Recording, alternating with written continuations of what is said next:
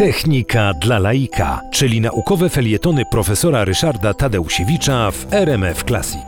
To, że liście na drzewach zmieniają swoją formę, jest celowym działaniem, dlatego że drzewa y, przygotowują się w ten sposób, drzewa liściaste, przygotowują się w ten sposób do trudnych warunków y, zimowania. Dlaczego liście żółkną? Wydawałoby się, że liść powinien być zielony.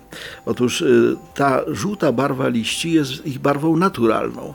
Liście naprawdę są zawsze żółte, tyle tylko, że wypełnione są chlorofilem, czyli substancją, która pozwala roślinie y, fotosyntezować, czyli odbierać energię słoneczną, zamieniać je na e, przydatne substancje, na przykład na, cukier i w ten sposób e, roślina odżywia się światłem. Ale zimą tego światła będzie niewiele, natomiast liść jest inwestycją kosztowną. Wytwarzanie chlorofilu jest e, kosztowne, utrzymywanie liścia na gałęzi też jest kosztowne, zaraz powiem w jakim sensie.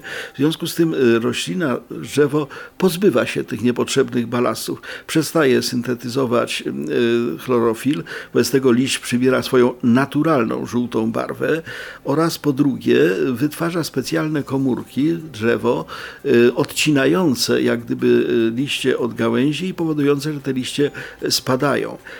Spadanie liści jest ważne, dlatego że dzięki temu drzewo uwalnia się od elementów, które powodowałyby stratę wody. W zimie największym deficytowym zasobem jest woda. I wobec tego y, to, że y, roślina pozbędzie się tych zielonych płuc, którymi y, traciła wodę, jest dla niej bardzo ważne, no bo ze zmarzniętej gleby korzeniom trudno pobierać wodę.